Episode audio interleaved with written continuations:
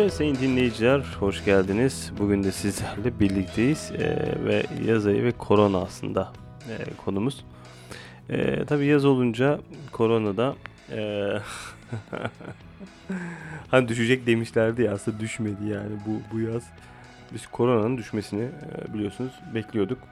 Bir aynı zamanda e, hani konuşulan profesörlerin konuştukları vardı işte Temmuz'a kadar bunun bitmesini bekliyoruz veya bu korona geçecek e, panik yapmayın e, gerçekten korona dediğimiz ufacık bir şey diyen vardı genetik diyen genetik Türk genetiğinin buna çok uygun olduğunu koronaya yakalanmadığını söyleyen bazı bilim adamları vardı ki bu da tutmadı. Yani herkes korona oldu yani en böyle milliyetçi tanıdığım adamlar bile tam korona. Bunun milliyet, din, ırkı yokmuş anlaşıldığı üzere. Herkesi etkiliyor. Ee, tabii spekülasyonlar yapılıyor biliyorsunuz bu korona ile ilgili. E, ne diyorlar şimdi? Ee, Çin'den değil de bu İtalya'dan çıktı. Yani şimdi enteresan tabii. Şimdi Çin belki de üstüne atmaya çalışıyordur bunu bilemiyoruz. Ya da belki Çin'in gerçekten bir günahı yoktur bu konuda. Nereden çıktığına dair. Ee, ama nereden çıktıysa çıktı ama bir şekilde bunun ilacının bulunması gerekiyor bence. Yani çünkü okullar, sistemler, üretim sistemleri tamamen durmuş durumda. Yani insanlar gerçek manada bu konuda kendilerini birazcık huzursuz hissediyor. Şimdi okullar açılacak 31 Ağustos'ta öyle deniliyor yani. Ben şahsen uzaktan eğitimin artık bir model olarak bizim karşımıza duracağını düşünüyorum. Bunlardan bir tanesi ise eee, uzaktan eğitim sisteminde mesela üniversitede uygulaması çok az olan bölümler var. Buralarda eee, uygulamaya yönelik bazı eee, çalışmalar yapılacağını düşünüyorum ki kesinlikle yapılmalı. Örneğin ben bir yüksek lisans öğrencisi olarak uzaktan eğitimin de e, olmasını istiyorum. Geçen sene çok güzel Antalya'da ailemin yanındayken balkonda otururken kahvemi de içerken e, çok güzel bir şekilde yüksek lisans eğitimi ta İstanbul'dan alabilmiştim. Yani, yani uygulaması çok az olan bölümler için bence ideal ama hani tıp olur, sağlık bilimleri olur bu tür e, yerlerde bu tür çalışmaların uygulamalı çalışmaların sahadaki çalışmaların yapılması da elzem tabii ki. Ee, kim oldu peki bu koronanın kazananı diye düşünebilirsiniz. Bana göre maskeciler oldu. Gerçek manada maskeciler oldu. Çünkü adamlar yani aklına hayaline gelmeyecek bir maske üreticisi. Yani belki sağlıkçıları satıyordu, hastanelere satıyordu. Ameliyattan ameliyatta takarlardı. Öyle bir hale geldi ki bir anda ayakkabı, elbise gibi takmak zorundasınız. Yani bir de bir kere değil. Kullan at. Hani 1 lira tanesi düşünsenize yani 75 milyon insan var. 80 milyon insan var. Ne deli para. Maske üreticiliği de bence bir bölüm okulu olarak okutulmalı. Maske üreticisi olacak benim çocuğum diyebilirsiniz yani böyle ana, ana babalar varsa bu konuda da bence çocuk ileri atılmalı yani vizyonu geniş tutulmalı. Bakın benim masada bile iki tane maske var şu anda. İkisi daha kullanılmamış sıfır çıkınca kullanacağım. Yani bir panik havası oluşturuldu deniliyor ama bence oluşturulmalı çünkü bir panik havası zaten var olmalı. Ee, gördüğüm kadarıyla bazı videolarda Covid-19'un çok ağır seyredenleri gerçekten acı çekerek yani ölüyorlar. Ee, gördüğüm nefes alamıyorlar. Kan pıhtılaşması oluyor. Hani birçok şeyi yapabiliyor ve ciğerlerde hasar bırakıp bırakmadığına dair çalışmalar yapılıyor. Tabi umarım, umarım, umarım, umarım, umarım bu e, en hızlı şekilde çözülür. ilacı da bulunur. Ha ilacı bulan ülke ise hakikaten parayı bulur yani. O da ayrı bir mesele. Yani Covid ilacını kez buldum. Covid-19 ilacını buldum. İğnesi, iğne yapılıyoruz işte iğne yapıyoruz. Hemen vücut vücutta bunu etkisini görüyoruz dediği an gerçek manada bu parayı kesinlikle kırar. O ayrı bir mesele zaten.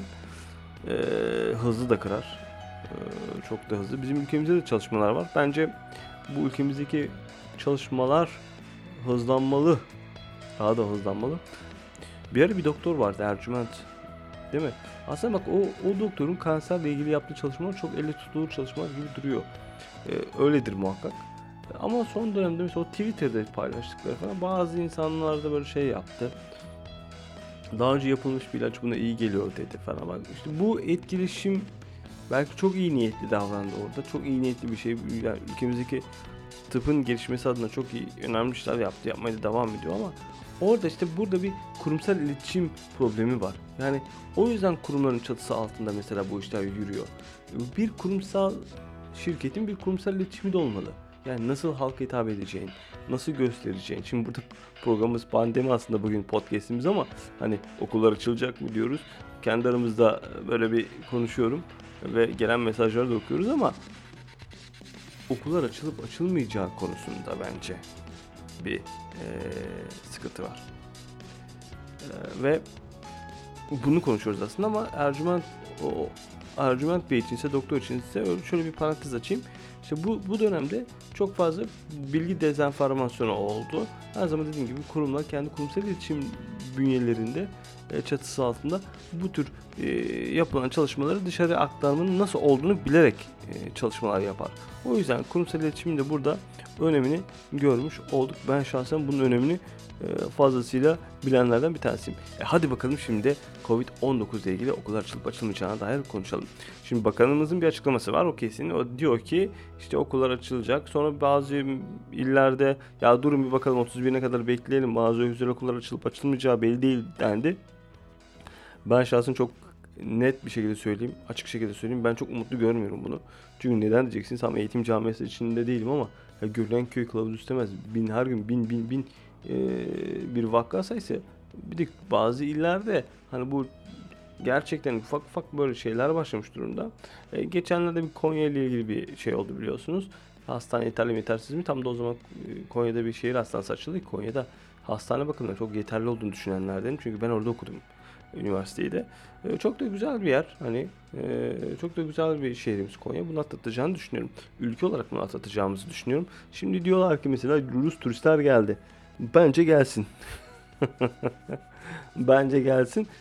Döviz gelecek evet tabi. O yüzden döviz gelecek. Şimdi ama ama ama ama bunun şöyle bir şeyi de var. Ya her şey para mı? Değil tabii ki ama böyle dönemlerde de çok ihtiyacınız oluyor. Ee, onun belli şeyleri olabilir. Yani insanları orada tutamazsınız. Gelsinler tatillerini Covid-19 önlemleri çerçevesinde yapsınlar yapacaklarsa ardındansa e, ülkelerine dönsünler. Harcamalarını yapıp bu şekilde olabilir. Ama tabii ki e, baktığımızda e, Covid-19'un gerçekten de şu anda çok büyük sıkıntıları yol açtı. Doğru zaten. Yani insanlar işlerine giderken bile panik. Hele İstanbul. Şu an İstanbul'dayız. E, bu podcast'i de buradan yapıyoruz ama İstanbul'da da durum çok şey. Hani Marmara'yı biniyorum. Öksürenler var arada. Hani bir git bir bak da bir test yaptır değil mi? Hani öksürüyorsan millet panik. Hani bir öksüren görse hemen ters ters bakıyor. Belki çocuk adam soğuk aldı. Covid bile değil. Ama işte burada bir sıkıntı var. Hani ülkede böyle bir panik havasına yarat yaratılmış durumda.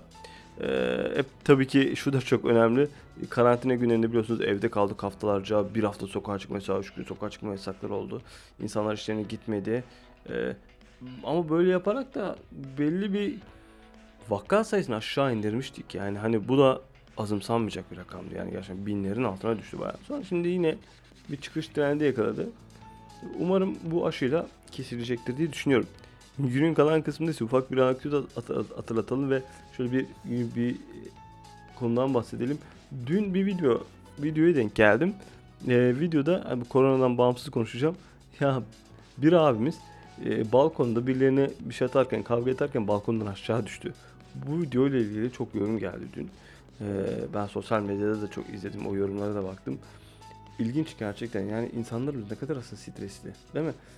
Ee, birbirlerine tahammül edemiyorlar. Yani keşke güzelce anlaşsalar. Yani bilmiyorum oradaki problem ne ama iski falan dediler.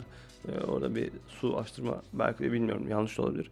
Ama abimizin durumu iyiymiş. Oradaki beyefendinin durumu gayet de iyiymiş. Umarım sağlığına hızlı şekilde kavuşur.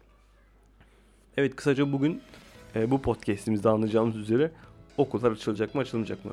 Bakalım son karar verecek ama benim ileriden gördüğüm bu uzaktan eğitim ve örgün eğitimin bir arada götürüleceği bir sistem olacak. Örgün eğitim de öyle eskisi kadar çok yoğun olacağını düşünenlerden değilim. Söylemiş olayım. Ee, tabii bu arada üniversite tercihleri de yapılıyor. Üniversite tercihleri için ise şöyle küçük minik bir şeyler söyleyeyim. Üniversite tercihleri iyi gidiyor ama bazı noktalarda tabii öğrencilerimizin e, soruları geliyor. Mesela ben Necmettin Erbakan Üniversitesi'nde yaptığım videoların hala altına yorumlar gelir. Öğrenci İşleri TV kanalından. E, bana da bizzat sorular geliyor. Ya bir kere şunu söylemek istiyorum. Sevdiğiniz bölüm yazın ama yazın ama sevdiğiniz bölümü yazarken aynı zamanda geleceği var mı yok mu? Bunda bakın. Şimdi bunu bir sevgililik evlilik gibi düşünebilirsiniz. Evleniyorsunuz ama hani ileride ben mutlu olabilir miyim bununla gibi düşünebilirsiniz. Gerçekten böyle düşünmeniz lazım. Çünkü aa bu olmadı. Yok ya ben bunu yapamam. Artık bunu olmaz. gibi mesela sevgililikte böyle şeyler yaşıyorsunuz ileride de bunu bölüm için söylemeyin Aa bununla gitmez demeyin çünkü hayatınızı belirleyeceksiniz. Ha tabii herkes şeyin bir dönüşü var. Bölüm değiştirebilirsiniz, tekrar okuyabilirsiniz, ikinci üniversite okuyabilirsiniz. Ama ama sizi zorlar. O yüzden geleceği olan bir bölüm. Birazcık iyi araştırın. E, baktığınız olmuyor bir sene daha hazırlanabileceksiniz, bir sene daha hazırlanın. Bu en büyük e, size e, avantaj olur düşünmek. E, birçok belediyenin, birçok basın evinin, birçok işte dershanenin hala varsa işte eğitim kurumlarının e, üniversitelerin tercih danışmanları, e, kamusal tercih danışmanları, işte Kadıköy örneği verebilirim, ne bileyim Bağcılar örneği verebilirim. Yani meydanlarında bahçeler verebilirim. Bu, bu tür meydanlarda tercih dönemi için standlar kuruluyor. Yani gençlere yönelik. Gitsinler baksınlar kendi belediyelerinin oldukları yerlerde böyle evden bir çıkıp bir baksınlar. Gerçekten yararları yararı olabilir bu bu, açıdan. Ve gençler için ellerindeki puanlarla gidip onları göstermeleri çok önemli. Ee, umarım herkes iyi bir şekilde bu süreci tamamlar. Evet bugünkü podcastimiz çok kısa olacaktı demiştik. Ee, acaba bugün okullarla ilgili e, hangi gelişmeler var onları konuştuk ama e, acaba etkisi nasıl olacak bu podcast'i merak ediyorum. Tekrardan çok teşekkür ederim.